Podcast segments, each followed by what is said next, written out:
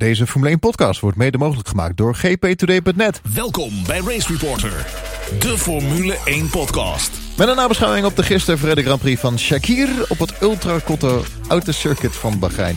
Met een had zich ziek gemeld en dus zagen we ineens een hele andere hoofdrolspeler als normaal. Sergio Perez is de 110ste coureur die een Grand Prix overwinning pakte.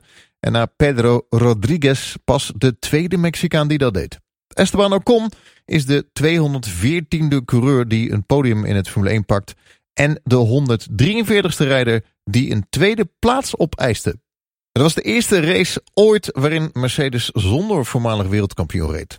Van alle puntscorers die ooit in Formule 1 reden deden alleen Jolien Palmer en Nicola Larini er langer over dan de 36 races die Russell nodig had om een punt te scoren.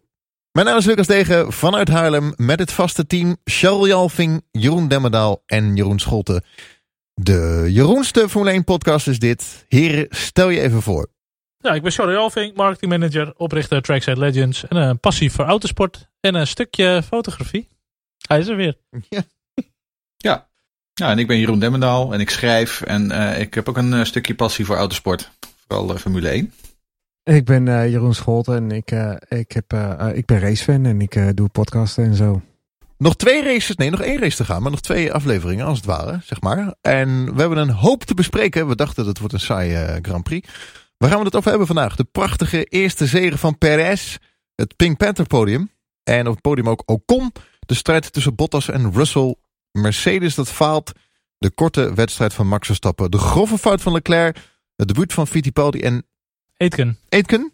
Dankjewel, Charles. De constructeurstrijd om plek 3 en de luisteraarsvragen die vandaag zijn binnengekomen. Nou, puntje van de stoel uh, zat ik afgelopen weekend. En uh, wat vonden jullie van de race? Charles, wat vond jij ervan? Ja, bizar. Ik vond het echt, echt weer een, ik vond het een heerlijke wedstrijd. Gewoon uh, de onvoorspelbaarheid, de perikelen bij, bij Mercedes, bij, bij Max Leclerc. volledig onverwacht podium. En we hadden het er toch ook vandaag wel een beetje op Twitter al over van ja, kijk, ik vind dit toch echt een beetje in, in een seizoen als dit gewoon de krenten en de pap van de huidige Formule 1.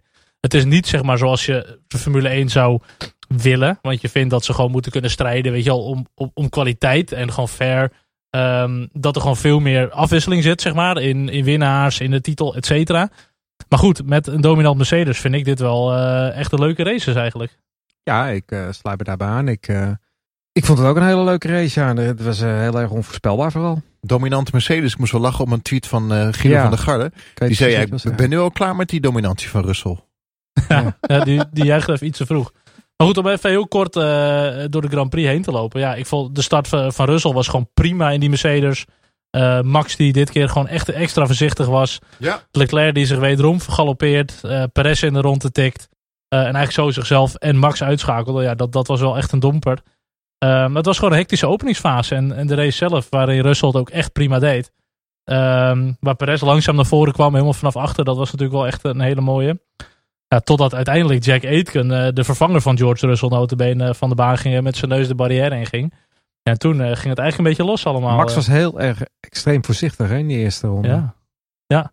ja terwijl ik had eigenlijk verwacht dat hij misschien juist op die softs en niks te verliezen gewoon echt wel risico zou nemen. Goed, uh, hij liet zien dat hij best wel geduldig was, maar uh, het, het, loonde niet. Ja, maar het, ging, hij had ook geen keuze. Hè? Want hij zat echt helemaal vast tussen um, Russell en, was dat Leclerc? Uh, aan de buitenkant. Hij zat in ieder geval in het midden van twee auto's. Ja. En het werd wel heel krap daar. Bottas en Perez. Um, ja. En vervolgens, ja, en vervolgens ja. moest, hij, moest hij natuurlijk gewoon wat vroeger in de ankers. Maar eigenlijk, hè, de Max van een paar jaar geleden had hem misschien inderdaad gewoon ertussen laten staan. En dan waren ze er met z'n drie nog harder afgetetst. Maar ja, hij, hij koos wel eigen voor zijn geld daar. Hij is verder dan Leclerc daarin. Ja, ook eens een reactie uh, ja. bij Jack. Ja, ja nee, absoluut hoor, absoluut. Um, maar goed, je zag wel, Max die was al even best wel boos. Die schopte inderdaad tegen de, de, de boarding aan, zeg maar. Uh, die was er wel even klaar mee. Ja, en terecht. Maar, uh, kwam dit nou, deze malle race, kwam dit nou door het circuitje? Mm. Het is een heel gek baantje. Nou, weet ik niet per se. Het is sowieso een heel gek baantje. Het blijft gewoon een slipstream baantje. Het is vrij kort op elkaar allemaal. niet heel erg veel, veel bochten en zo. Dus het is gewoon een hele korte layout. Wat wel zorgt voor de snelste rondetijd tot op heden in de Formule 1. Dus je kunt gewoon goed slipstreamen, helemaal met DRS. Maar ik denk niet dat dat per se nu zorgde voor dit spektakel. Nee, want vooral de eerste helft van de race was eigenlijk een relatieve optocht. Hè?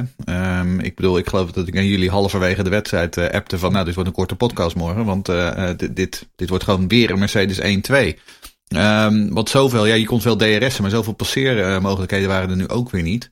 Um, maar het is meer gewoon, het was weer zo'n typische chaotische wedstrijd. Um, zoals we er zo af en toe eens eentje hebben. Uh, en gelukkig hebben we er dit jaar al een aantal gehad. Ja.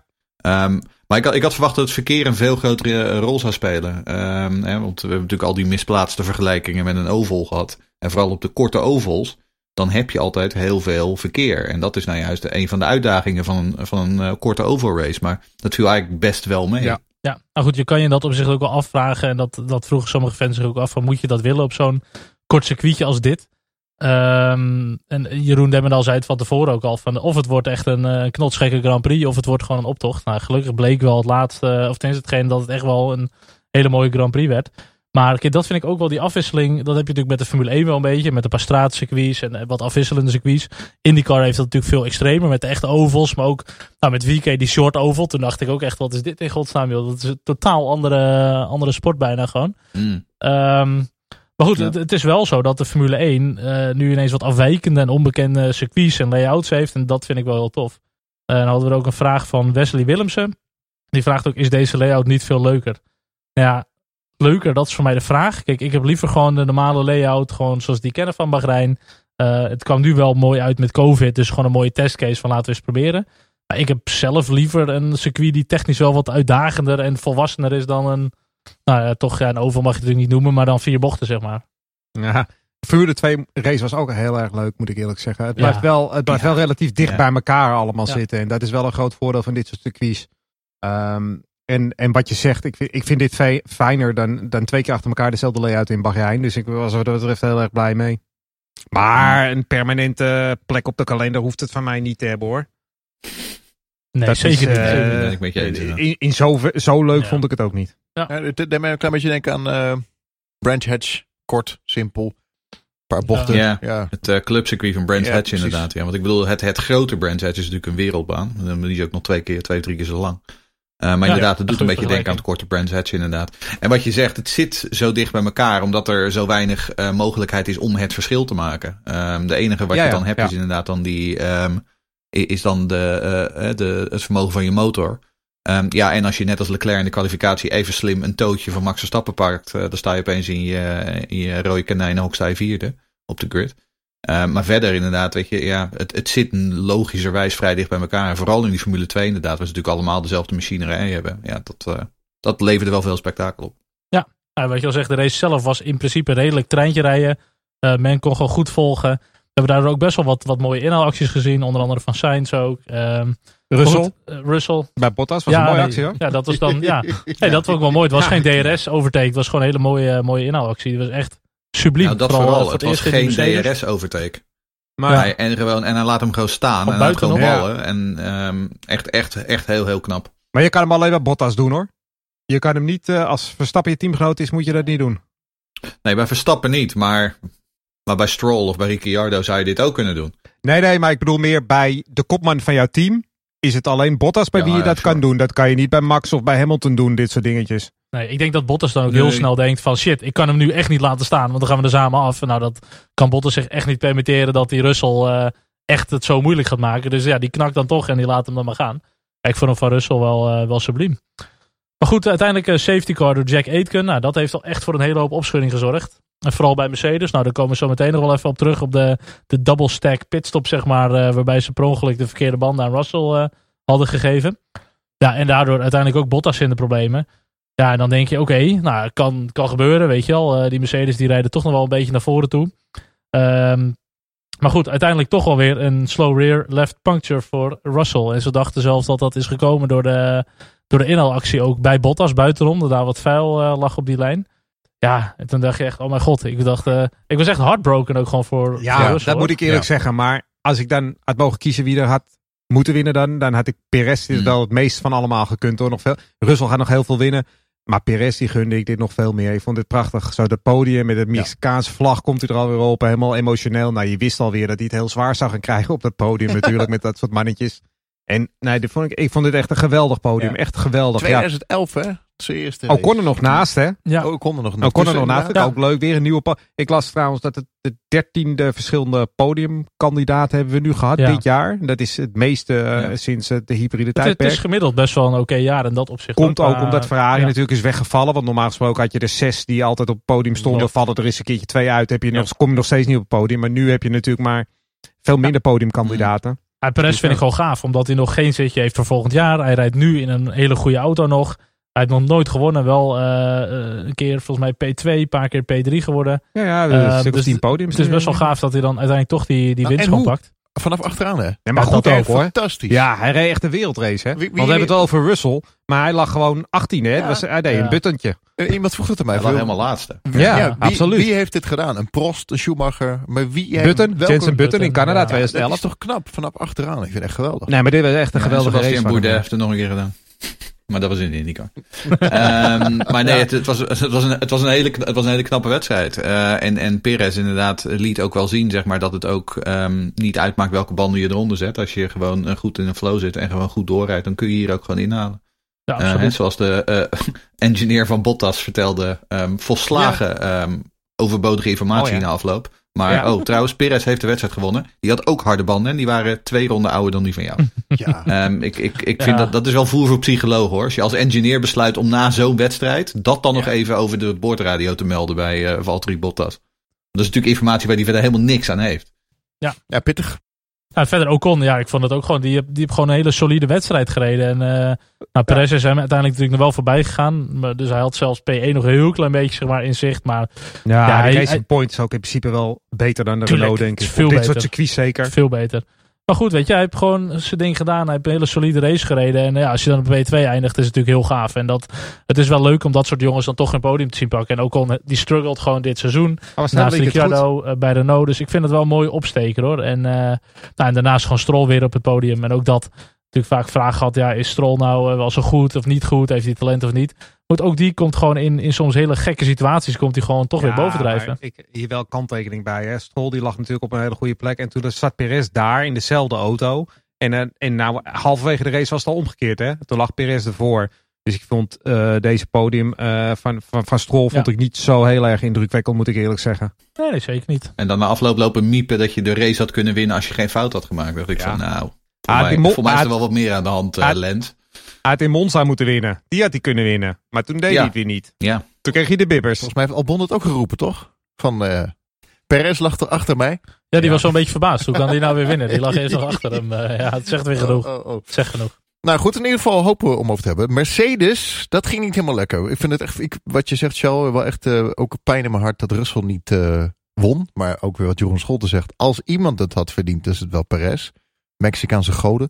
Maar echt fantastisch hoor, hoe Russell deed. Eerste bocht al als eerste er doorheen. Ik vind het echt knap dat hij ook met die druk omgaat. Eigenlijk het hele weekend al. En dan, ja, op zo'n manier. Ik heb het echt nog nooit gezien. Zo slecht bij Mercedes.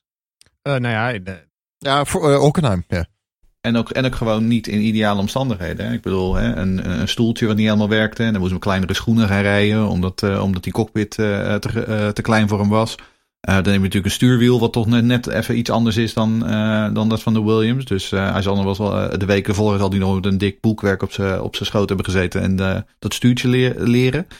Ehm, maar als je ziet hoe die dan on, binnen al die omstandigheden, hoe die dan levert, hoe die dan vervolgens. Oké, dan verliest hij op, wat was het, 26.000ste, verliest hij de pole position Ja. aan Bottas.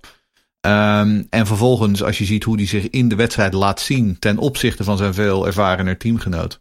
Eh, ja, ehm, wat mij betreft hebben ze in Stuttgart eh, wel even wat extra overleg nodig om eens te gaan overleggen. Wat gaan we volgend jaar doen? Zagen Want jullie ik zou proberen om Bottas zijn contract af te kopen als, Ja. als ik eh, kom. Mm. Graag, ik betaal mee. ik. Ehm zagen jullie hem groeien along the way in het weekend? nee. Ik denk Of was dat hij al vrijdag? was. Nee, was hij vrijdag al meteen? Russell? Ja, is absoluut. Nee, wat zag je hem groeien? Of was hij altijd al vanaf vrijdag even goed als Nee, ik zondag? vond hem vanaf vrijdag al echt solide. Natuurlijk, hij stond bovenaan de tijdlijst en dat Ik wil... vind hem sinds de Formule 2 al zo. Ja, Hij is altijd Nee. zo. Kijk, hij was eerst in de, in de eerste twee vrije trainingen. Maar goed, dat zegt ook nog niet alles. Maar eh, hij heeft in dat opzicht niet heel veel eh, verkeerd gedaan. Ik vind het echt prima, prima debuut. En dat was bijna eigenlijk een beetje wat je bij Max had naar Red Bull. Dat je hebt gewoon kans om te winnen. Nou, dit, dit sprookje ging dan eh, gruwelijk naar de, naar de kloten. Maar ja, ik had het wel graag gezien hoor, dat hij hem had gewonnen. Even, even voor een leek. Je hebt een Williams en je hebt een, eh, een eh, Mercedes. Is dat heel erg veel verschil, die knop op de stuur en de... Alles is anders in zo'n auto. Ja, tuurlijk. Ja, ja tuurlijk. Want ieder, ieder team uh, ontwerpt zijn eigen... Um, ontwerpt zijn eigen sturen en ontwerpt ja, zijn dus eigen dus, um, controls. Ik bedoel, denk, denk, er zelf maar aan als jij een nieuwe auto koopt en je moet vervolgens achter het stuur gaan zitten van een nieuwe auto uh, waar je nog niet eerder in hebt gereden. Het duurt even voordat je uit hebt gevogeld waar, waar alle functies zitten welke knopjes. Weet je, die hele, die hele muscle, die hele muscle memory, zeg maar. Um, hij zei het op een gegeven moment ook, geloof ik, tijdens een van de vrije trainingen. Van we moeten uh, straks als ik terugkom even praten over waar dat ene knopje zit. Uh, want uh, ja. dat werkt, dit werkt niet voor me, want ik, ik, ik zet de hele tijd de verkeerde schuif om.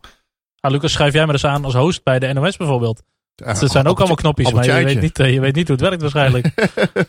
nee, maar goed, de auto is gewoon ongekend belangrijk in de Formule 1. En ik, ik vind de auto is misschien 80% van de snelheid, misschien nog wel meer. En de coureur nog 20%. Ja, als je die auto niet goed voor elkaar hebt of niet kent. Nou, chapeau die dat heeft gedaan hoor. Goed, maar wat ging er mis bij Mercedes? Hoe kan je de verkeerde banden bij de verkeerde coureur? Dan kan je toch met een merkstift eventjes, hè? Nou, die zijn ook wel gemerkeerd. Ja, nou, ik, heb, ik, heb, ik heb vanmiddag zelfs nog een beetje zitten, zitten tekenen. Als ik VB en, en GR naast elkaar schrijf, lijkt dat dan op de een of andere manier nog op elkaar. Uh, omdat ze natuurlijk gewend zijn om LH te zien. Um, maar dat is eigenlijk helemaal niet zo. Ik denk, het zijn gewoon mensen. Uh, dat ten eerste. Uh, die gewoon fouten kunnen maken. Ten tweede, we hebben het in Duitsland vorig jaar ook gezien. Als de dingen net iets anders zijn dan normaal bij Mercedes dan is er gewoon een grotere kans uh, dat, ze, dat ze het van het padje zijn. Hè? In uh, Duitsland in 2019 liepen ze vanwege hun uh, jubileum in allemaal van die rare apenpakjes rond. Het voelde, net niet helemaal lekker en lekker comfortabel. Was toch anders dan anders. En nu is het zo dat ze opeens een andere coureur in de, pit, in de pitstraat hebben. Um, is het een excuus? Absoluut niet. Maar mensen zijn bouwen hun routines in. En zijn, werken middels gewenning. En ik denk dat dat gewoon hier het probleem is geweest. Is dat die gewenning en die routine er gewoon even niet was. Exact. En dan was het natuurlijk ook volgens mij een van die radio's die kapot was. Waardoor eigenlijk de, de crew die normaal de alles voor uh, uh, Russell had klaargepakt. Dat die dat nog niet hadden gedaan of zo. Dus daar was wel enige paniek. Maar ik kan me zeker voorstellen dat als je ineens een andere coureur hebt. Je hele flow die je hebt is niet meer hetzelfde. Want je moet toch met andere dingen rekening houden. Voor andere coureur, andere namen. Het zou zomaar kunnen. Het is een heel, heel, heel slap. Heel, ja. hele slappe reden ja, om banden te wisselen. Echt. Het was slecht. Maar goed, ze hebben het nu op een technische erg gegooid met de radio. Dus, Eén uh... voordeel. Uh, ik smul al voor de nieuwe Netflix-serie. Want ook daar hebben ze... Nee, weer... waren er niet. Niet? Nee. Oh, dat dacht ik. Mercedes heeft vandaag zelf getwitterd dat Netflix helemaal niet bij hem was. Ah, oké, okay, jammer. Ja, dat is wel opmerkelijk, want Russell zei namelijk voor het weekend dat Mercedes, dat Netflix de wel ja, zijn. maar ik zag uh, een paar uurtjes geleden een tweetje, tweetje voorbij komen dat dat toch ja, niet het geval het was. Dus, uh... En we hebben een vraagje. Bas Chaos, dat zal een Twitternaam zijn, die vraagt... Zouden ze bij Mercedes al een manier hebben gevonden om Bottas zijn contract te verscheuren... en om Russell die plek te geven? Zoals Bottas werd zoekgereden, is het niet meer vol te houden dat hij daar zit. Nou ja, eh, ik denk sowieso niet dat Mercedes contracten verscheurt... want dat hebben ze nog nooit gedaan. En ik denk niet dat ze dat nu gaan doen. Uh, bovendien hebben ze Bottas met hun volle verstand dat contract gegeven... En daarbij denk ik niet dat de keuze gemaakt moet worden tussen Bottas en Russell. Zelf denk ik eigenlijk aan dat ze de keuze moeten gaan maken tussen Russell en Hamilton. Bottas die was vandaag weer, of gisteren althans, uh, weer keurig een tweede rijder. En dat zal die uh, uh, blijven. Ehm, ik denk zelf, en dat is misschien, Hamilton heeft nog steeds niet bijgetekend. Misschien komt het ook wel daardoor. Ik denk zelf dat Mercedes nog een jaar met Hamilton wil. 2021 geven hem die achtste wereldtitel. Maar daarna moeten ze Russell pakken. En ik denk eigenlijk dat de situatie nu gaat ontstaan zoals die in 2006 bij Ferrari was dat uh, Ferrari Michael Schumacher heeft gezegd, eigenlijk opgedragen heeft om afscheid te nemen van de sport. Uh, omdat zij door Kimi Räikkönen konden krijgen. Ik denk dat George Russell de perfecte opvolger is. Maar je moet niet Russell naast Hamilton gaan zetten. Dan krijg je de situatie 2007 McLaren, een oude, oude wereldkampioen naast een, een jong talent. Hè? Alonso toen naast Hamilton. Uh, dat ging toen eigenlijk helemaal mis, omdat uh, in het begin begint het allemaal leuk, hè? Want Hamilton die zegt, oh, wat een eer om naast Alonso te gaan rijden. En ik kan zoveel van hem leren. Maar ja, na drie races, dan blijkt hij uh, dezelfde snelheid te hebben. En dan gaat hij hem aanvallen. En dat vindt Alonso, een ervaren coureur, natuurlijk als een soort van vernedering. Ja. Dus, en, en zo wordt dat zuurder. ja, dat ga je nu ook krijgen. Want Russell heeft, denk ik, al heel snel zal die races krijgen waar je niet net zo snel is als Hamilton. Ik, ik denk echt dat ze de keuze moeten maken tussen Hamilton of Russell. En Bottas kunnen ze rustig laten zitten daar. Ja, ik denk dat je het perfect verwoord zou. Je moet het gewoon niet willen, Hamilton en Russell in één team. Uh, dat, dat, ik denk dat dat te veel conflict gaat geven. En Bottas is gewoon echt een perfecte tweede man, een solide tweede man. Uh, en dat, dat moet je ook gewoon hebben. En helemaal een team als Mercedes, die wil gewoon degelijk zijn, die wil gewoon aan de finish komen. Die hebben ook de luxe dat ze niet de twee allerbeste nodig hebben. Ehm, en ook wat hij zegt, weet je, als Bottas werd zoek gereden, vind ik ook misschien wel heel zwart-wit. Ik bedoel, Russell was wel de betere coureur. Maar goed, Bottas kwam ook naar de herstart een beetje in de clinch met Sainz en zo. Dus daardoor had Russell wel weer een gaatje. Dus ik, ik vind niet zwart-wit in de eerste fase dat Bottas echt zoek werd gereden. Maar voor een Russell deed hij het extreem goed hoe snel die op tempo kwam. Nou, dan hebben jullie nu de managementtheorie gecoverd. Dan ga ik uh, even een lans breken voor uh, de fan thuis op de bank. Uh, voor de entertainment value.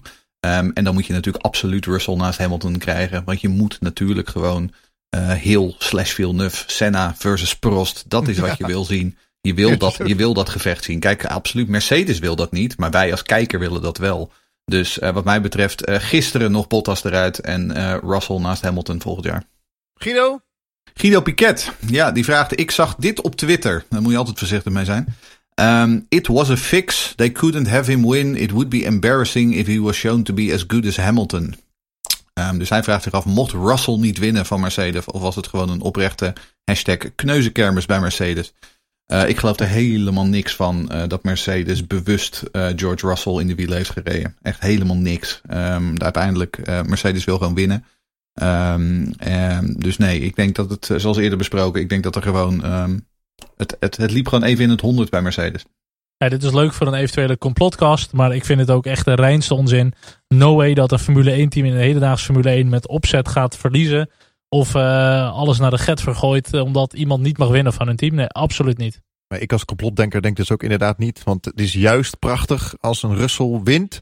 Iedereen heeft het erover Mercedes, Mercedes, Mercedes. En nu is Mercedes in slecht daglicht. Dus nee, nee. grote onzin. Nou, dan hebben we nog één vraag van Bob van Valkenhoef. Die vraagt, de zeldzame fouten die Mercedes heeft gemaakt. Kan het in jullie ogen ook zo zijn dat daar de druk eraf is en men even minder scherp is? Ja, dat, dat zou absoluut kunnen. Kijk, een fout zit in een klein hoekje. Um, goed, Mercedes zei dat een technische probleem aan de radio oorzaak was. Maar goed, foutjes zijn menselijk. En ze hebben het hele seizoen en heel veel jaren al zo goed gepresteerd. Nou, alles al, is al wat anders dan normaal, hebben we ook al gezegd. Um, maar goed, ja, ze, ze, hebben alles al gewonnen wat ze kunnen winnen. Dus er is geen enkele stress. Ja, dan kan het zijn dat je misschien toch dit soort foutjes maakt. Kan. Ja, wel een beetje wat Jeroen Demmendaal zegt, een beetje de routine. Als het dan ja. fout gaat dan, of iets anders is, dan gaat het meteen mis. Ja, ze lagen ook 1-2.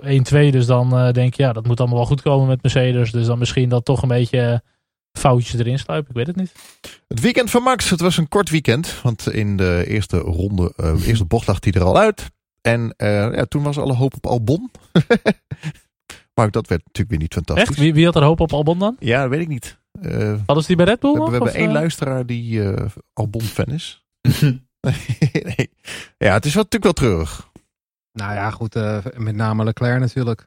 Ik, ik begrijp ook niet helemaal wat hij daar nou voor plan was te gaan doen. Ja. Hij kwam van veel te ver.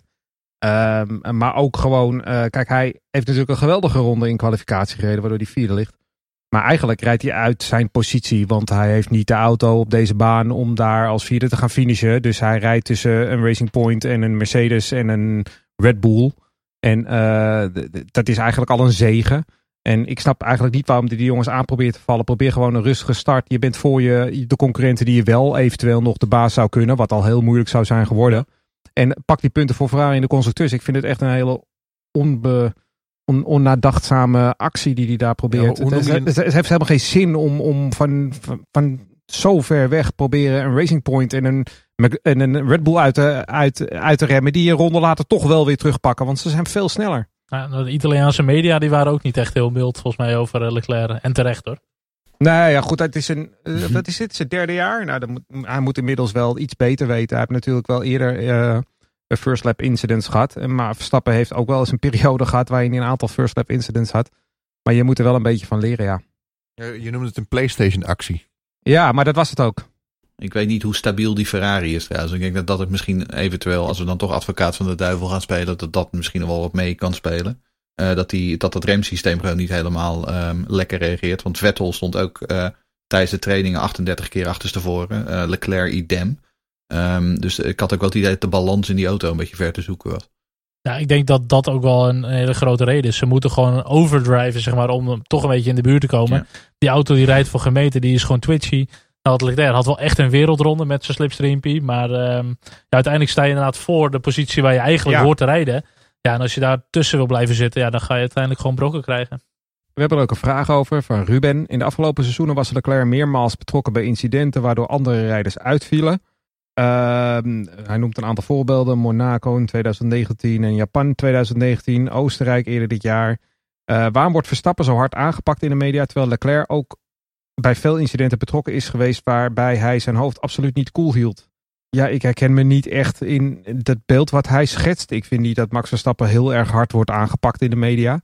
Uh, in ieder geval niet harder dan Leclerc. Wat misschien een beetje kan helpen is dat Leclerc altijd uh, heel erg duidelijk uh, de schuld op zich neemt als hij het fout doet. En Verstappen is natuurlijk een agressieve man die ook nog wel eens wat roept in de media. Dus wellicht dat hij wat vaker uh, op social media kritisch benaderd wordt dan Leclerc. Ik denk ook meer de Britse maar media. De want media? Die, ja, nee, hmm. ik denk eerder de Britse media. Want er zijn natuurlijk allemaal pro-Hamilton en de Britse fans. Ja, maar en, die zijn niet meer uh, pro-Leclerc dan dat ze pro-Verstappen. Nou, ik vind de weet Britse media over Verstappen best wel... Uh, Volgens mij zijn er ook wel een aantal wat best wel kritisch hoor. Nou, vind ik niet. Ik denk dat Jeroen een punt heeft. Um, want Max Verstappen maakt nooit een fout. Zelfs als hij wel een fout maakt. En dat is wel een beetje problematisch. En dan levert dat uiteraard weer een tweede golf Zeker. op. Van, Oh, oh, absoluut. zie je wel, hij geeft zijn eigen fout niet toe. Terwijl Ja. de Claire gewoon zegt, ja, ik heb er een zootje van gemaakt en het is klaar. Uh, dus ik denk dat dat gewoon ook me- meer meespeelt. Nou, scheelt een hoop, absoluut. Maar ik, ik, ik, ik- nogmaals, ik vind niet dat in de media hij zwart wordt aangepakt in de Britse media. Ik vind de Britse media wel erg pro-Hamilton, dat wel, ja. Dat klopt. Nou, de Nederlandse eh, media is ook wel pro-Verstappen. Nee, hoor, die nee, zijn helemaal nee, niet pro nee. Max Verstappen gelukkig. Nee joh, nee, nee, nee. Echt niet. Niks van waar. Maar goed, Max eh, verliest dus wel weer even kans op een zegen. Of die nou wint hier of niet. Ja, wat, wat dan het enige wat hem te behalen nog is een tweede eh, ja, het is, positie in het het, is leuk, dagsucces eh, Ja. weer op het podium en zo. Maar goed, zou ook Max dit seizoen drie of vier Grand Prix kunnen winnen. Au. Eh, maar dat is gewoon niet van gekomen, ja. Ik bedoel, ik zie liever Perez winnen. Dat Ja, Nee, ik heb, ik li- ik er liever gewoon een leuke race dan, Ja, dat, dat dan dat Max heel makkelijk eerst wordt. Ja, dat Ja. wel, ja. Ik heb liever dat hij Australië gewoon wint 2021 bijvoorbeeld. Die vind ik belangrijker. Nee, ze vond het niet leuk dat hij uitviel. Tuurlijk niet. Maar er zijn heel veel mensen die hebben gezegd... ja, ik heb hem na twee ronden de tv uitgezet. Ja, dat Ja, vind ik dan wel een beetje jammer. Moet je zelf weten, maar ik Ja, vind het toch? altijd een beetje dom. Maar goed, in ieder geval Max een eh, kans op een zegen verloren. Albon valt opnieuw. Ja, waar wacht Red Bull nog op? Nou, wat grappig is, ik zat daarover na te denken. Want eh, we krijgen de hele tijd te horen van ja, want Red Bull wil niet van Albon nou, vanwege de befaamde Thaise connectie. Nou, die Thaise connectie, dat is dan natuurlijk het feit dat eh, Red Bull al sinds de jaren tachtig trouwens ehm, eh, een meerderheidseigenaar heeft uit Thailand. Want die Tomatenseeds heeft maar 29% van de aandelen. En een of andere Thaise miljardair die heeft 51% van de aandelen. Maar aan de andere kant, ehm, toen Alex Albon ooit uit de Red Bull Academy werd gegooid omdat hij niet goed genoeg was, toen heb ik die hele Thaise eh, connectie ook nooit gehoord. Ehm, dus ik vraag me af waarom dat dan nu opeens van doorslaggevende redenen zou zijn. Ehm, daarnaast, als jouw Thaise eh, eh, oogappel de hele tijd zichzelf belachelijk maakt voor het oog van de wereld omdat hij geen deuk in een pakje boter rijdt in zijn Red Bull, dan vraag ik me af of die, meneer, die Thaise miljardair er wel zoveel voordeel van heeft. Ehm, dus ik, vind, ik, ik snap er, om eerlijk te zijn, echt niet, niet zo heel veel van. Ik snap echt niet waar, waar Red Bull op wacht. Ehm, en zeker nu, nu, want Perez maakt het, ze, maakt het ze steeds maar moeilijker. Eh, want nu kun je eigenlijk, eigenlijk bijna echt niet meer om hem heen. Maar vooral dat, als je dan gaat kijken naar afzetmarkt eh, markt en zo, dan denk ik het is helemaal niet slecht om eh topcoureur te hebben wat een beetje afwisselt uit verschillende landen of verschillende werelddelen. Weet je, met Kvyat had, met Gasly. Weet je wel, en dan heb je nu ehm Albon heb je anderhalf jaar gehad. En denk ik, ja, dan kan je nu toch wel weer een ander erin zetten. Dan vind ik Perez volgens mij ook geen slechte eh, om in, in Mexico misschien weer wat meer te gaan verkopen. Mocht dat een argument zijn, hè?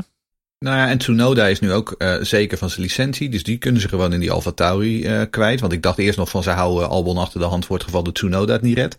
Maar ook dat is nu rond. Dus er is echt gewoon geen reden meer wat mij betreft om nu eh, die, die beslissing nog verder uit te stellen. En bijna elke autosport nieuwssite of medium die begint nu ook wel echt daarover te praten. Van, joh, eh, kondig nou gewoon Perez aan. Dit slaat er helemaal nergens op. En ook terecht hoor. En eh, we zaten vorige week hier nog te wachten op die, op die, ah, op die, wat is het, die persconferentie van Perez. Wat natuurlijk helemaal nergens over ging. Maar goed, die heeft wel een soort van openlijk toch een beetje de bal bij Red Bull neergelegd. Van, ja, jullie bepalen of ik nog doorga in de Formule 1 of niet. Ehm, en daarmee krijgt toch de fans ook wel een beetje achter hem. Die denken, ja nou kom op dan. Ja. Hij wacht echt letterlijk op jullie. Race Reporter, de Formule 1 podcast. Kijken we naar het middenveld. Racing Point. Op de Pink Panther podium. Vraag me nog even van Daan Grant, onze super supporter. Formule1podcast.nl Ja, Daan vraagt, wat vonden jullie van de prestatie van Lance Stroll? Zijn tweede podium, terwijl de algemene opinie is dat hij geen talent heeft en er alleen maar zit vanwege die malle rijke papa. Nou ja, om nog even over die papa te beginnen. Het is wel gewoon een feit dat Lawrence Stroll het gigantisch slim heeft aangepakt. Hij heeft heel veel geld, dus dan is heel veel nou, best wel een stukje makkelijker. Maar goed, hij gaat gewoon van het ene noodlijdende team Williams, waar hij ervaring op kan doen in de achterhoede, naar een ander noodlijdend team in de middenmoot. En dat heeft hij gewoon heel slim opgekocht. En zijn aanpak vind ik dan ook echt ongekend. Um, ze hebben de Mercedes gekopieerd. Volgend jaar gaan ze met Aston Martin branding rijden. Um, ze hebben gewoon geld. Ze kunnen kwaliteit in huis halen. En Stroll die kan daardoor gewoon standaard middenmoot rijden. Waar een Perez op snelheid sneller is. En op, op consistentie veel beter is. Maar goed, Stroll die hoeft alleen maar te rijden. Die hoeft zich niet druk te maken om geld. Niet om schade, contracten, whatever. Um, dat geeft hem ook wel denk ik enige rust. Dat hij gewoon kan pushen. Hij kan gewoon gas geven. Hij kan gekke dingen doen. Onderste kan halen. Um, en ik vind het wel knap wat hij doet. Maar hij krijgt ook gewoon steeds meer ervaring. Um, en dan in races ja, dan profiteert hij toch wel een beetje van gekke situaties. En dan staat hij er gewoon weer. We pakken de vraag van Simon inderdaad meteen nog maar mee. Uh, want die vraagt, heeft Ra Racing Point de goede keuze gemaakt door Perez te vervangen door Vettel? Uh, dit is wel een heel erg open deur vraag, zeker aan mij, maar goed, vooruit. Um, en hij vraagt dan ook, is het matige presteren van Vettel dit jaar pure motivatiekwestie of is het beste eraf? Um, want als de kans op een terugkeer van de oude Vettel kleiner wordt, hadden ze dan niet de goedkopere Perez moeten kiezen. Um, nou, hier hebben we het voor mij al eerder over gehad dit jaar. Um, kijk, Vettel worstelt gewoon heel erg met de huidige uh, Ferrari. Um, de Ferrari wordt op dit moment volledig gebouwd en ontwikkeld rond Charles Leclerc. Charles Leclerc en Sebastian Vettel hebben totaal verschillende rijstijlen. En dus Vettel is het kind van die rekening. Ik denk ook dat zijn motivatie niet meer enorm is op dit moment. Beetje zoals bij Red Bull, toch? Zijn laatste seizoen? Was volgens mij ook niet Ja, een beetje inderdaad wel, ja. Nee, exact. Maar Dus ik snap, de, ik snap de keuze voor Vettel wel. Want ik denk wel dat Vettel volgend jaar echt uh, uh, iemand is om mee rekening mee te houden. Maar ze hadden natuurlijk gewoon van Stroll afgemoeten. Alleen het probleem is, Stroll is uh, het zoontje van de baas. Um, maar ja, aan de andere kant, um, ik, ik hoorde van het weekend dat Matt Bishop, de oud hoofdcommunicatie van McLaren, volgend jaar het nieuwe hoofdcommunicatie van um, Aston Martin wordt.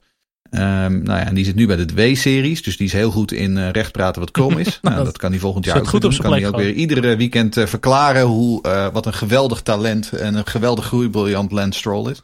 Kan hij ook de ophanging van Stroll recht praten als hij weer eens krom is? Of zo goed is hij toch ja. met Bishop? Ja, dat kan hij ook. Ja, nou. ja zo goed is hij zelfs. Ja. Maar goed, verder het gevecht om het middenveld, dat was eigenlijk net als vorige week gewoon weer een hele belangrijke. En waar Perez en Racing Point toen echt hele dure punten lieten liggen na die DNF van uh, Perez uh, met, met zijn geplofte motor. Ja, pakt ze nu gewoon een dikke 40 punten. Oké, okay, dat is na Mercedes en Red Bull is deze auto wel echt een van de betere. Is solide motor, kopie van de Mercedes van vorig jaar. En makkelijk, dus, hè? Ja, hij rijdt heel makkelijk. Hij rijdt gewoon heel goed. maar goed, Perez laat wel zien dat hij er ook weer staat. En dat doet hij gewoon echt optimaal vanaf de laatste plek. Stroll naar P3, gewoon solide. Pakt ook gewoon weer een podium. Ja, dus in het gevecht om het middenveld en om P3 in het kampioenschap was dit echt wel weer even eentje die ik niet zomaar zag aankomen na vorige week. Toen nee. eigenlijk McLaren er weer even voorbij ging. McLaren ook echt de grote verliezer hè, van dit weekend. Ja. Echt de grote verliezer. Ja, nee, absoluut. Ja. Ik vind ook Norris wat tegenvallen dit jaar.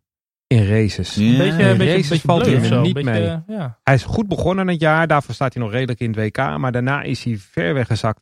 Het is een beetje hetzelfde als bij Renault, hè, met Ocon en, uh, en Ricciardo. Ja. Uh, je ziet daar ook gewoon, degene die weggaat, uh, wat dan bij McLaren Sainz is, dat is degene die de overhand, de overhand heeft. Dat vind ik wel opmerkelijk. Ik weet nog wel, een jaar vier, vijf geleden voordat Russell en Norris echt in de Formule 1 zaten, toen in de juniorklasse, was Norris door de Britse media werd onwijs gehyped als het grote talent. Die zou Lewis Hamilton opvolgen. Maar eigenlijk, en dat zag je al in de Formule 2 wel al, heeft Russell hem wel wat overvleugeld hoor.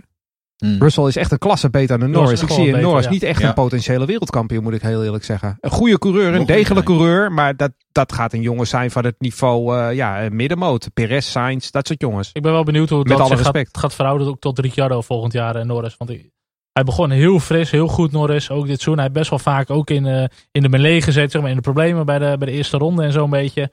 Maar ja, je hebt er niet echt, echt heel veel Ja, gezien. Ricciardo Zo is vooral een betere kwalificeerder dan Sainz. Dus ik denk dat hij, ehm, dat hij het echt moeilijk gaat krijgen, Norris, volgend jaar. Maar is Norris ook nog niet gewoon nog heel jong? Ook is een hoe die zich uit. Ja. Gewoon echt nog een ja. leuk, leuke gamer en Twitcher. Zo mij tuurlijk. over. Ik vind het een leuke gast hoor. Maar En Ja. hij is ook een hartstikke leuke jongen. En hij is Ja, ja. absoluut helemaal in de Formule 1. Hoort hij helemaal thuis. Eh, Super. Oh. Maar eh, als ik dan kijk, dan, Ja. dan naar die hype van een aantal jaar geleden omtrent hem. Hmm. Ah goed, Maar ja, zo zit, maar dat is de hele Formule 1 toch? Ik bedoel, als je historisch kijkt, er zijn er altijd maar een handvol die echt de absolute top halen. Zeker. En die races gaan winnen en kampioenschap gaan winnen. En ik ben het met je eens. Ik denk dat Russell dat gaat worden en niet Norris. het doet, doet mij denken aan Carl Wendlinger, eh Francis Schumacher. Ja, maar Die drie. Schumacher- Ja. Dat Ja. ook Maar kijk, het is, gewoon, het is wel een heel leuk karakter om te zien. En dat heb je natuurlijk heel vaak met gasten als Eriksson of Palmer of, of noem er maar wat op. Heb je dat totaal niet. Weet je? Het is gewoon een hele leuke frisse gast. En ik denk dat hij toch echt wel... eh Vond jij Jolion Palmer niet een leuke gast? Duif ook niet zo top Nee? heeft. Nee, dat is niet Marcus Eriksson ook niet. Nee, ook Mijn niet. vriendin heeft, mijn vriendin heeft zo'n hekel aan Marcus Eriksson. Lekker Die, weer. ze, ze heeft de hele tijd, als ze, want hij heeft een beetje, een beetje dat nasale stemgeluid. Vooral als hij Zweeds spraakt, eh, spreekt. En ze vindt het echt, niet- ze zegt alsjeblieft zet die tv uit of zet het geluid uit. Ik kan Gooi mij niet het raam, die tv gewoon of zo. grappig. Ja. Maar goed, over mensen die ik niet zo'n hele leuke uitstraling vind hebben. Esteban Ocon. Eindelijk op het podium. Dat was, eh, ik zie Jeroen Scholt, die rijdt gewoon op naar me toe hier. Nee, eh, ik vind Ocon, weet je wel, het is een talent. Hij heeft eh, die, die, die beetje die verdette met, met Max en zo. En, maar ik vind hem qua uitstraling, vind ik het niet een hele leuke, frisse, opvallende jongen. Maar goed, ik vind het wel leuk dat hij een podium pakt. Voor zichzelf, maar ook voor Renault. En dat is gewoon een, een mega boost. En ook voor hun zijn dit gewoon de krent in de pap. Derde podium dit seizoen. Eerste keer P2. Ehm, weet je wel, en dat helemaal. Als je op P2 rijdt, dan hoeft er maar weer een keer wat met Perez te gebeuren. En je kan hem gewoon ineens winnen. Ja, dat is wel lekker om zo naast Alonso te gaan rijden volgend jaar. Dat je gewoon alvast een podium op je naam hebt. Nou, ik vind hem heel erg tegenvallen dit jaar. Dat zal ik als eerste toegeven ook hoor. Maar ik vind hem gewoon leuk, omdat hij niet leuk is. En is ook geen aardige jongen en zo. Maar dat vind ik juist leuk aan hem. Weet je, Ja. hetzelfde als met jou. Ja. Jij bent eigenlijk ook helemaal niet leuk, maar eigenlijk ben je gewoon wel leuk. Nee, want ik ben eigenlijk wel heel leuk. Ja, maar daar dat zie je niet, leuk. maar. Je denkt wel, eh, wat ben je voor een nare man, alsof. ben je best wel grappig eigenlijk.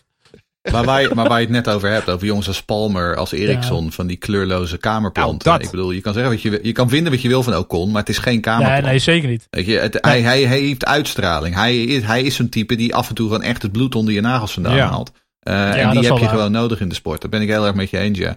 Eh, wat, wat mij wel opviel eigenlijk, is dat, ik, dat viel me gisteravond op, terwijl ik zat bij te komen van die enorme chaos die deze wedstrijd was.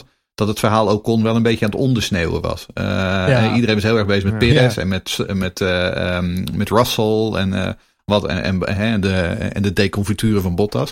En ook kon zijn tweede plek, wat natuurlijk gewoon onder normale omstandigheden in iedere andere race een wereldprestatie zou zijn. Eh en gewoon ook zo zou opvallen. beste resultaat van, dat, viel- dat sneeuwde een Ja, beetje het onder. beste resultaat van Renault in een gigantisch lange tijd. Ik weet niet eens sinds welk jaar, P2, maar Dit, ja. Ja. Ja. Maar ja, wat wil je? Er was iets anders was eh, belangrijker. en de eerste dubbele podium voor Racing, Racing Point is ook wel wat waard natuurlijk. Even een vraagje tussendoor. Wat- Wat vonden jullie, welke vonden jullie eh, mooier? Monza of deze? Deze. Ja, ik ook. Maar Deze. Charles Ja. ik nog twijfelen.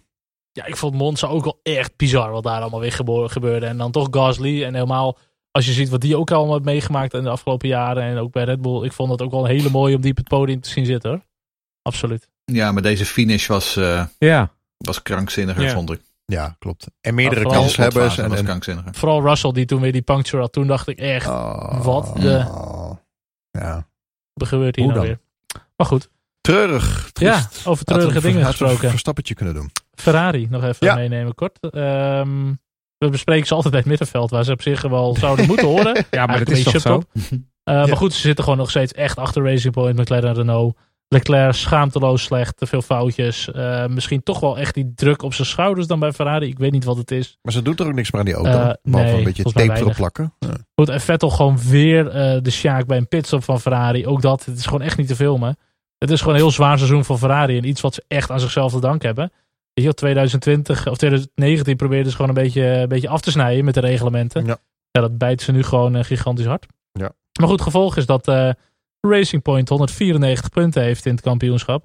McLaren 184, 10 puntjes minder. Dat is natuurlijk nog wel te overbruggen in eh, Abu Dhabi. Renault 172, dus 22 puntjes achter Racing Point. Nou, dat wordt wel al knap lastig. eh. ja, en Ferrari 131. De, goed, die, gaan, eh, die, die kunnen niet... Ja, die zijn gewoon gezien. die zijn Ferrari, gewoon gezien, Ferrari ja. Ja, ja. gaat gewoon. Ja. Gaat gewoon als zevende eindigen in een 2K. Wanneer is dat voor het laatst gebeurd? In een eh 100-jarige bestaan. Zesde, toch? Eh, drie, vier, vijf. Ja, zesde. Jij hebt gelijk. Zesde. Nou, vooruit. Wanneer is dat voor het laatst gebeurd dan? Dat Ferrari zesde werd. Wat ik me wel afvraag. Nou, eh, misschien staat, ik weet het niet, maar je staat het niet bij met Toro Rosso. staat voor mij niet eens heel ver achter. Maar misschien staat, ik weet het niet, maar je staat het niet bij met Toro Rosso. staat voor mij niet eens heel ver achter. Maar Nou, wel ver genoeg hoor. ah, die hebben nog een zegen. 26 puntjes erachter. Alfa Tauri zit 28 punten achter Ferrari trouwens. hè. Vraag ben ik even van Rob de Voogd. Die hebben we al wel een beetje ehm, besproken volgens mij. Die vraagt om eh Leclerc zijn kamikaze acties ehm, eh, in korte bochten. Hij zegt, eh, ja, die zijn eigenlijk niet meer op één hand te tellen dit seizoen. Ehm, hij vraagt zich af, heeft dat te maken met frustratie? Um, zou kunnen dat het te maken heeft met frustratie. Maar ik denk, zoals Jeroen eerder al zei, het heeft ermee te maken dat hij toch een beetje out of position was. Dat hij eigenlijk te hoog op de grid stond. En uh, zoals ik zelf al zei, ik denk dat het ook te maken heeft met het feit dat die auto eigenlijk het hele weekend gewoon instabiel was. En dat ook die rembalans niet, uh, dat ze die gewoon niet rondkregen. Uh, en dan, ja, er zit een foutje in een klein hoekje. Nou, verder wat ik nog wel vermeldenswaardig vind, uh, vind ik dan wel de kwalificatie van Antonio Giovinazzi. Die toch eigenlijk gewoon Kimmy echt weer even in, uh, in uh, te pakken had, zeg maar. En ja, Williams, maar... die eigenlijk gewoon voor de virtual safety car zorgde en voor de safety car. Dus die hebben toch wel een beetje spektakel verzorgd in deze Grand Prix. Giovinazzi hebben volgens mij het hele jaar lang bijna niet behandeld. Nee, dus ik dacht, ik moet toch even, toch even bespreken ja. gewoon. En maar ook, toch uh, doet hij het helemaal niet zo slecht. Hij doet het niet zo slecht. En ik ben nee. nooit zo heel erg onder de indruk geweest. Maar ik ook toch uh, solide en op de achtergrond. Uh, de, maar hij moet ook zichzelf wat meer gaan profileren. Want daarom ja. vergeet hem ook vaak.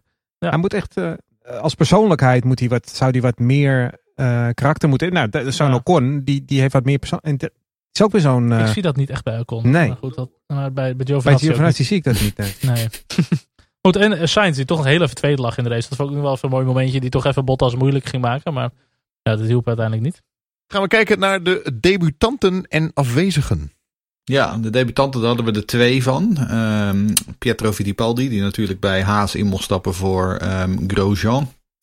En terwijl Jack Aitken de open stoel van um, George Russell bij Williams overnam.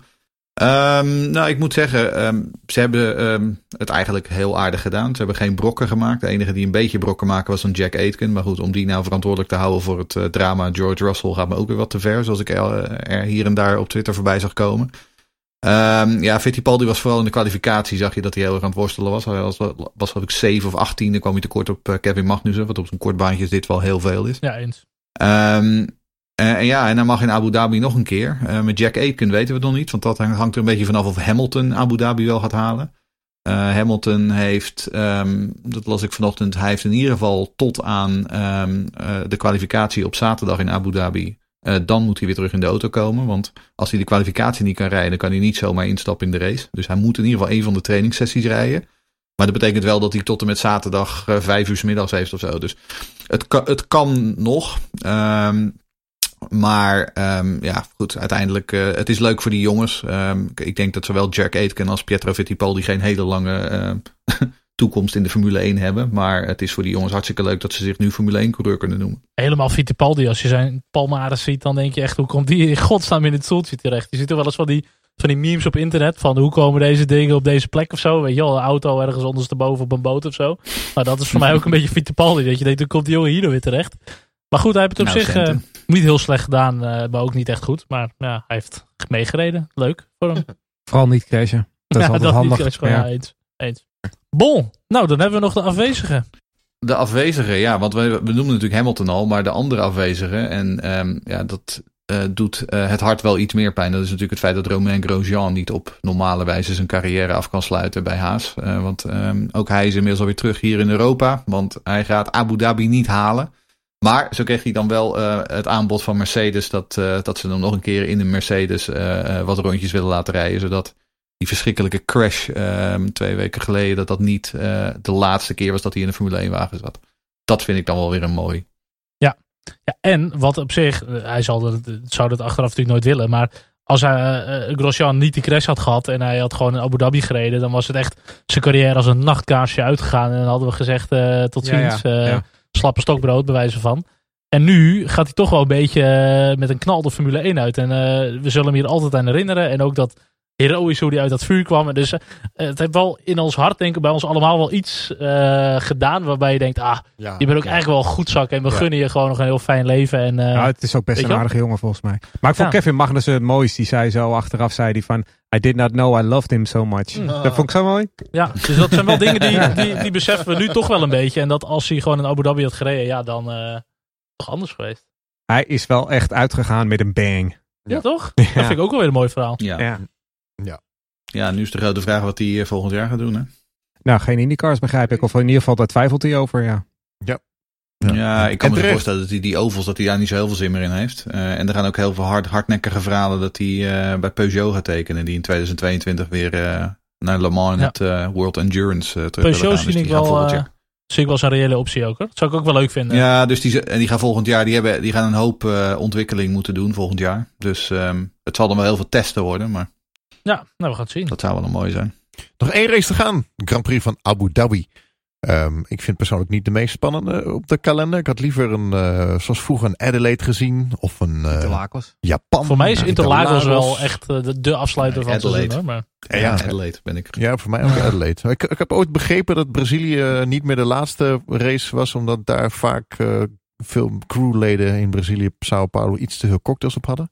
Nou, en een vlucht, juist mooi en afsluiter. en een vluchten mist. dat ze daarom niet meer in Brazilië hebben gehouden. Maar Abu Dhabi komt eraan. Wat zijn jullie verwachtingen? Nou, het is natuurlijk ook Abu Dhabi heeft natuurlijk altijd lekker weer. In, uh, die zit nu in december. Ja. Dus heel veel landen vallen van nature natuurlijk al af. Uh, ja, wat verwacht je ervan? Ik vind het, uh, wat jullie al zeiden, ik vind het niet, uh, niet de leukste baan. Het is echt een Tielke Dome. Het is een hele mooie faciliteit. Kost 1 miljard volgens mij of zo? Ja, het duurste, duurste circuit, circuit ooit. maar ja. ze hebben natuurlijk een flut layoutje neergelegd. Twee lange rechte stukken met een chicane ertussen. Nou, aan het einde van die rechte stukken kan je wel wat inhalen. Voor de rest is het achter elkaar aanrijden. Uh, het is een typische Mercedes-baan. Die hebben daar geloof ik al een miljoen jaar op rij nu gewonnen. dus die zullen daar ongetwijfeld nu weer heel goed voor de dag gaan komen. Eigenlijk, je hoopt op een race als afgelopen weekend. Maar in Abu Dhabi zie ik dat niet zo heel erg snel nee. gebeuren. Dus uh, ik verwacht er niet zo heel erg veel van. Maar het is ook weer een echt een bekende baan. Een uitgekoude nee. baan. Er is niks nieuws aan. Nee. Uh, misschien nee. dat we nog een paar leuke donuts op het eind zien. Maar dat is dan herinneringen. Ja, vuurwerk op het eind. Nou ja, dit is ja. Nou, en er staat ook zo ongelooflijk weinig meer op het spel. Weet je, die, die constructeursplek, die derde plek bij de constructeurs-WK, dat kan nog enigszins interessant worden. Maar dat is het dan ook wel echt. Um, ah, ja, Max bedoel, kan nog tweede worden, theoretisch. Ja. Ja. ja, maar dat wordt ook allemaal wel weer dat, dat, met, met heel veel uh, kunst en vliegwerk. Uh, uiteindelijk gaat het, is het natuurlijk gewoon een, een race om de katse kut.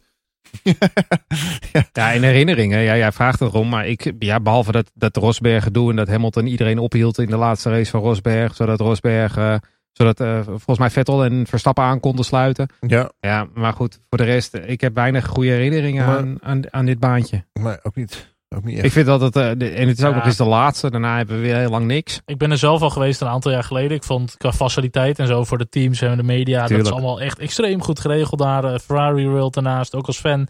Helemaal niet zo'n slechte Grand Prix om te bezoeken. Maar eh, ja, echt qua racen vind ik het niet een, een topcircuit. Voorspelling dan maar. Laten we iets geks doen. Je weet het nooit met dit. eh. Ja, ik zeg toch eh, één, één Hamilton. En dat zeg ik omdat eh, volgens mij had nu eh, Toto Wolf gezegd dat Hamilton on the right track is voor een F1 return in Abu Dhabi. Maar goed, dus Hamilton slash Russell 1 voor mij. Verstappen 2. Bottas 3. En Vettel gewoon eh, weer even op P10. Verstappen gaat winnen. Ehm, Hamilton slash Russell wordt tweede. Eh, Bottas eh, valt uit. Dus Perez wordt derde. En eh Landon Norris wordt tiende. Nou, ik denk toch dat eh, Russell of Hamilton gaat winnen. Bottas wordt tweede, Verstappen wordt derde. Ja, ik, ik moet nog wel. Ik vraag me daar wel af hoor, of hij er al bij is. Want het is wel heel makkelijk gezegd, maar je moet wel nog eventjes negatief testen. Hè? En eh, Valentino Rossi duurt er lang bij. Suarez is geloof ik drie weken weg geweest bij, bij, eh, bij Atletico Ja. Madrid. Het kan echt wel lang duren hoor. En waar dan nog, mochten van Daniel een bonusvraag doen voor 10 punten. Wie de vierde wordt bij de constructeurs. Ik eh, ga gewoon toch van McLaren. Want ik zie ze niet Racing Point voorbij gaan op P3. En ik zie Renault er ook niet voorbij gaan. Ja, dan moet ik wel Renault zeggen. Want anders kan, Ja, Oconnetje, die gaat natuurlijk weer even een podium Ocon pakt een 2 en eh, Ricciardo een 3. Ja, dan, dan, dan ga ik. eh, dan zeg ik gewoon dat Racing Point vierde wordt. Wat overigens helemaal niet kan als Perez derde wordt. Maar goed, dat is het probleem. Ik denk, denk dat Rus- Russell gaat winnen. Dan eh, tweede Perez. Derde Max Verstappen. Tiende Norris. En McLaren. Ja. Ja. Nou, dat was het dan. Wat was het dan? Ik kreeg trouwens nog een later luisteraarsvraag binnen. Die zegt volgens de Duitse RTL is George Russell in gesprek met Red Bull. Maar dat zie ik niet als een eh, hele... Ja, in gesprek. Ze zijn altijd met iedereen Ja. in gesprek. Eh, Hij heeft gewoon een doorlopend contract bij Williams voorlopig. Ja, in gesprek. Dus Ja. ja, Dat Of- zou wel lachen zijn. in gesprek. Ik zou het geen slechte optie vinden om nog Nee, even mee toch af te super? sluiten. Dat Nee, zou wel dat een gaaf zijn. Ja, en toch zie ik een combinatie Russell-Verstappen is, is- wordt ook oorlog. Ja, Nou, zeker. dat willen we toch zien? Ja, wij wel. Maar nogmaals, Management niet. nogmaals, waar we het over hadden in Mercedes, het management misschien niet. We gaan het zien. Maar de contracten zijn allemaal dichtgetimmerd, begrijp ik. Ja, waterdicht. Waterdicht, oké. Nou, Ja. geen enkel contract is waterdicht natuurlijk. Nee, daarom, ik wou net zeggen. Maar nee. En vooral na dit weekend niet gaat Nee, Mercedes joh, nee, niet nee, laten nee, lopen. nee, echt Nee, niet. nee, Gaat nee, ook nee, nee. Hoewel ik niet weet, want ik weet niet, hij zit natuurlijk, ja, hij zit bij Mercedes ook, eh, hij wordt ook gemanaged door Mercedes, of niet? Toto? Ja, dat Ja, hij Dat zit, wel hij zit tot 2021 bij Williams en daarna weet ik niet wat precies, hoe lang hij nog bij Mercedes vast ligt. Want in principe zou Red Bull hem voor daarna wel vast kunnen leggen, in theorie. Als zijn geduld wordt wel op de proef gesteld bij Russell. Dat eh, moet ik wel toegeven. Maar, Nee, maar je moet hem na 2022 heeft hij wel een goede stoel nodig, want als Mercedes hem wel kwijt. maar welk team gaat er met eh, Mercedes motoren rijden binnenkort? McLaren.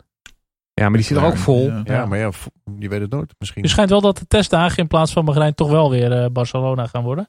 Volgens mij drie testdagen of zo. Dus dat wordt voor McLaren alsnog wel eh, Ja, eerste week van maart. ja. vrij krap wordt dat hoor. Met Mercedes. Met En dat ook eh, Young Driver Test. Gaat Alan Jones weer rijden voor Williams. Ja, ik las het, ja, inderdaad, ja. Alan Prost stapt in bij Renault. Ja. ja, exact ja. ja. Ja. En Keke Rosberg komt terug. Kijk, die gisteren, dat was gisteren jarig. Oh, is dit zo? weekend in ieder geval. Oké. We hebben het helemaal niet over de, de fantastische kampioenschap van Mick Schumacher gehad in de Formule 2. Nou Ja, ja, even aanstippen. Dat Nou, was echt eh, eh we hebben nog een uurtje, dus Ja, dus dat was hem. Nou, nou nu wel. Top. En we Tot hebben het ook niet over Nikita Mazepin gehad. Of Roberto Meri, die Formule 2 gaat testen. Roberto eh, Meri, ja, die ze gewoon weer van stal gehaald hebben. Ja. Ja, dat is ook wel opmerkelijk. Die is 30 inmiddels, maar die rijdt nog steeds Formule 2. Hij rijdt Dat zijn is wel mooi. 17e seizoen Formule 2 nu. eh. Ja. ja. Maar Sean Gillel gaat ermee stoppen. Die, eh, die, die is het nu gezien. Wil je nog wat zeggen, Jeroen Scholten? Ik wou eigenlijk helemaal niks meer Oké, zeggen. nou dan Nee. gaan we afronden. Dank jullie wel weer. En we gaan nog één Grand Prix kijken en verslaan. En dan hebben we de Formule 1 Awards. Die komen eraan. Ja, Yeah. de Eindejaars Awards. Ja, leuk. Formule 1 Award. Formule Oh, 1 ja. Awards gaan we hebben. Dus dat hoor je binnenkort. Volg onze socials, Instagram, Twitter, Facebook. Moet iedereen even stemmen dan. Ja. Stem maar zo gek. Top. Dank jullie wel. Bedankt voor het luisteren. En tot de volgende. Hoi. Doei. Hoi. Race Reporter, de Formule 1 podcast, wordt mede mogelijk gemaakt door gptoday.net en een aantal leden. Rick Debets, Frank Thewe, Maarten Ewertsen, Mark Niesthoven, Rowdy Rabouw, Remco Zoon, Eddy, Chris Niels en Karin. Super bedankt voor jullie donaties. Vaste donaties zijn dat. En een aantal eenmalige donaties. Jasper Heijmans, dankjewel. CC Zandbergen, Hendrik Sijp, Marco Post, bedankt.